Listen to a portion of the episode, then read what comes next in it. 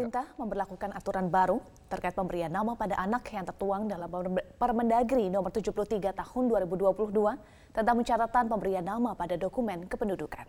Dalam aturan ini disebutkan bahwa nama anak setidaknya ada dua kata dan maksimal terdiri dari 60 huruf.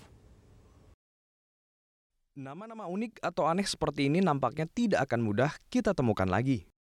Hal ini terjadi seiring dengan diberlakukannya aturan baru terkait pemberian nama pada anak. Aturan baru ini tertuang dalam Permendagri nomor 73 tahun 2022 tentang pencatatan pemberian nama pada dokumen kependudukan. Dalam aturan ini disebutkan bahwa nama anak setidaknya ada dua kata dan maksimal terdiri dari 60 huruf.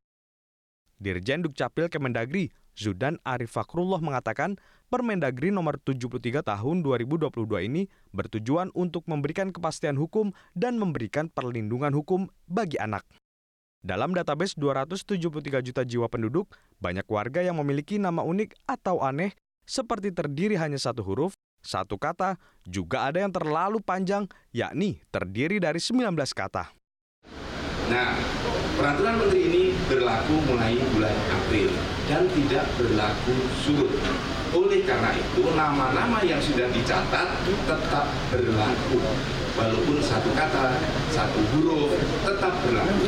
Nah, peraturan ini berlaku ke depan. ya, nama yang harus dua kata itu bersifat himbauan. Kita dorong masyarakat untuk memenuhi itu untuk kepentingan masyarakat sendiri. Permendagri nomor 73 tahun 2022 tentang pencatatan pemberian nama pada dokumen kependudukan ini berlaku sejak April 2022 dan tidak berlaku surut. Tim Liputan, Metro TV. Dan terkait aturan baru dalam proses pencatatan nama dalam dokumen kependudukan, masyarakat diimbau untuk tertib dokumen kependudukan. Berikut laporan Sisilia Sinabariba dan juru kamera Azizul Hakim. Kementerian Dalam Negeri mengeluarkan aturan baru jika hendak melakukan pencatatan kependudukan. Hal ini tertuang dalam Peraturan Menteri Dalam Negeri Nomor 73 Tahun 2022. Sebenarnya aturan ini sudah diberlakukan sejak tanggal 21 April 2022 yang lalu. Namun baru muncul dan baru menjadi topik pembicaraan beberapa waktu ini. Ada beberapa tujuan yang menyebabkan peraturan Menteri Dalam Negeri ini dikeluarkan. Yang pertama, untuk melindungi hak konstitusional dalam proses pencatatan sipil dan juga untuk mempermudah proses pelayanan publik. Dalam Permendagri nomor 73 tahun 2022 memuat 9 pasal yang mengatur pedoman dalam melakukan pencatatan kependudukan. Yang pertama yang dimaksud dengan data kependudukan yakni biodata kependudukan, kemudian kartu identitas anak, KTP elektronik, akta kelahiran, kartu keluarga, surat tanda kependudukan hingga akte pencatatan sipil. Di pasal keempat juga disebutkan bahwa syarat dalam proses pembuatan data kependudukan ini yang pertama, nama yang dituliskan itu harus jelas, mudah dibaca dan tidak multitafsir. Yang kedua, terdiri maksimal dari 60 kata termasuk di dalamnya tanda spasi dan yang ketiga minimal terdiri dari dua kata. Di pasal selanjutnya juga disebutkan bahwa ada larangan untuk menuliskan atau untuk memuat nama dalam data kependudukan. Yang pertama dilarang menggunakan tanda baca ataupun angka. Yang kedua, tidak boleh disingkat. Dan yang ketiga, tidak boleh menggunakan gelar, baik itu gelar pendidikan maupun gelar keagamaan. Aturan ini sudah berlaku sejak 21 April 2022 yang lalu dan telah ditandatangani oleh Menteri Dalam Negeri Jenderal Tito Karnavian. Meski demikian masih ada beberapa masyarakat yang belum mengetahui mengenai hal ini sehingga sosialisasi masih perlu untuk ditingkatkan. Pak Najib sudah tahu ada aturan eh, dalam pembuatan dokumen kependudukan yang baru, Pak? Nggak tahu. Nggak tahu. Nggak tahu. Tapi kalau misalnya ini diberlakukan, aturan ini menurut Bapak gimana? Ya kalau saya sih ngikutin aturan dari pemerintah aja. Pemerintah bilang ya begini ya begini, pemerintah bilang begitu ya begitu. Itu saya ngikutin aja. Tapi selama ini ada kendala dalam pengurusan dokumen kependudukan, Bapak? Saya belum tahu masalah itu. Ini baru mau diurus saya juga. Nah, baru mau diurus sekarang ini. Tapi berarti Bapak mau bikin KTP ya, ya sekarang ya. KTP Bapak namanya berapa kata? Banyak ya. Nama saya Selamat Muhammad Najib. Itu panjang ya. Insya Allah mudah-mudahan bisa. Mas Burahman sudah tahu belum ada aturan pemerintah kalau bikin KTP akta kelahiran harus minimal dua kata? Baru tahu ya. Iya. Tapi tanggapannya gimana Mas kalau aturan ini diberlakukan? Hmm, bagus sih soalnya nama-nama yang zaman dulu tuh biasanya satu kata satu kata jadi kebanyakan yang sama gitu kalau dua kata kan jadi ada perbedaan gitu Mbak Risna sudah tahu belum adanya aturan soal minimal dua kata untuk catatan kependudukan? Uh, sudah. Tanggapannya gimana Mbak Risna? Uh, bagus sih uh, untuk memperbaiki catatan kependudukan juga kan. Juga biar orang nggak bingung-bingung cari nama juga, biar nggak kepanjangan gitu kan. Kalau nama Mbak Risna sendiri terdiri dari berapa kata? Empat. Iya. Merasa kesusahan nggak dengan empat kata itu ketika mengurus? Lumayan sih, karena kan agak kepanjangan juga kan. Direktur Jenderal Kependudukan dan Catatan Sipil menyatakan bahwa aturan ini sifatnya imbauan. Artinya, jika ada masyarakat yang bersikeras jika namanya tetap terdiri dari satu kata masih diperbolehkan. Namun tentunya aturan ini dibuat agar tertib dokumen karena jika terlalu panjang akan menyulitkan dalam proses pencatatan dokumen. Jika terlalu pendek dapat potensi terjadinya pertukaran identitas sehingga masyarakat diharapkan memperhatikan lebih lanjut mengenai aturan ini. Tidak hanya itu, jika ada masyarakat yang namanya sudah tercatatkan sebelum adanya aturan ini, maka nama tersebut masih tetap berlaku. Seiring penerapan PPKM di Jakarta menjadi level 1, kapasitas pengunjung restoran atau kafe kini dinaikkan menjadi 100%. Kebijakan ini pun ditanggapi positif oleh pengelola dan karyawan. Selengkapnya berikut laporan dari Lis Pratiwi dan Singgih Nugroho dari Jakarta berikut ini. Kondisi pandemi COVID-19 di Indonesia semakin membaik. Setelah sebelumnya diizinkan untuk melepas masker di ruang terbuka, kini sejumlah level PPKM di berbagai daerah kembali turun.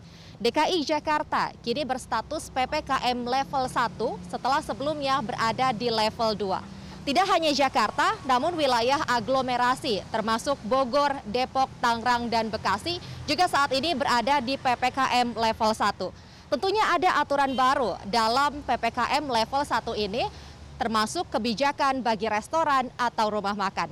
Lalu seperti apa penerapan aturan ini di lapangan dan respon dari pengelola restoran tersebut? Kita akan lihat di salah satunya. Salah satu aturan dalam PPKM level 1 tersebut adalah mengharuskan setiap pengunjung restoran atau tempat makan menggunakan aplikasi Peduli Lindungi untuk keperluan screening. Dan sekarang barulah kita bisa masuk. Aturan PPKM level 1 ini tertuang dalam Inmendagri nomor 26 tahun 2022 yang berlaku mulai 24 Mei hingga 6 Juni. Selain kewajiban menggunakan aplikasi Peduli Lindungi bagi restoran, tempat makan maupun kafe yang berada di dalam maupun luar gedung, kini dibolehkan untuk buka hingga pukul 10 malam dengan kapasitas maksimal atau 100%. Hal ini juga berlaku bagi warung makan, lapak kaki lima, dan juga tempat makan sejenis yang berada di dalam maupun luar gedung. Sementara untuk tempat makan yang baru buka pada malam hari ini diizinkan untuk buka mulai pukul 6 sore hingga pukul 2 pagi. Tentunya hal ini menjadi respon positif bagi para pengelola ataupun karyawan dari rumah makan, kafe ataupun restoran karena ini menandakan geliat ekonomi yang mulai bangkit. Lalu bagaimana tanggapan dari karyawan kafe berikut ini? Mas sekarang kan PPKM level 1 kapasitas dari kafe ataupun tempat makan sudah boleh 100%. Bagaimana tanggapannya? Ya, dari mau dibilang normalnya sih belum sam, belum sampai menuju normal ya walaupun sudah level 1 jadi walaupun level 1 masih eh, apa namanya eh, statusnya kita di restoran pendapatannya masih belum terlalu signifikan deh perubahannya gitu.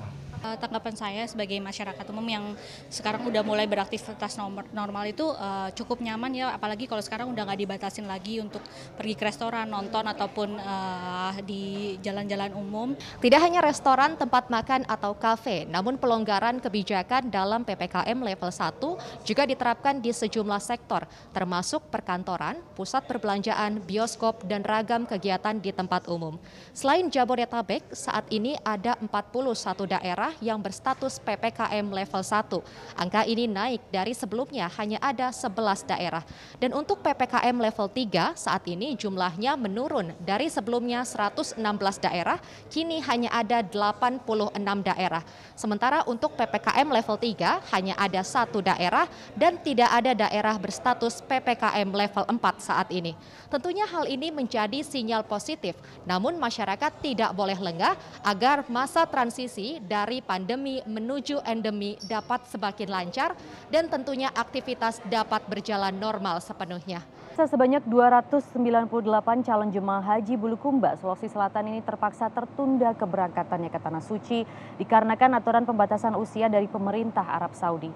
Salah satunya seorang nenek di desa Sofa yang terpaksa kembali batal berangkat haji untuk yang ketiga kalinya. Ante, seorang nenek asal desa Sofa, kecamatan Kindang, Kabupaten Bulukumba, Sulawesi Selatan, harus kembali mengalami penundaan untuk ke Tanah Suci yang ketiga kalinya setelah sebelumnya juga tertunda akibat pandemi COVID-19. Meski sejak jauh hari Ante dan keluarganya yang harus menjual kebun untuk ongkos naik haji dan telah melakukan persiapan, di antaranya membeli pakaian ihrom dan perlengkapan lainnya saat berada di Tanah Suci Mekah nantinya. Ante mengaku sudah sangat ingin berangkat ke Tanah Suci setelah mendaftar 12 tahun lalu sebagai jemaah calon haji di Kemenak Bulukumba. Kebijakan penggunaan masker dilonggarkan, Dinas Pendidikan Kota Bandung tetap mewajibkan siswa maupun guru menggunakan masker saat melakukan aktivitas kegiatan belajar mengajar atau KBM. Penggunaan masker masih diberlakukan di dalam ruangan, namun di luar ruangan berlaku situasional. Kebijakan ini pun mempertimbangkan bahwa pandemi belum berakhir. Meski demikian, Dinas Pendidikan Kota Bandung akan tetap mengikuti instruksi terbaru dari Presiden Joko Widodo mengenai pelonggaran aturan penggunaan masker di ruangan terbuka beberapa waktu lalu.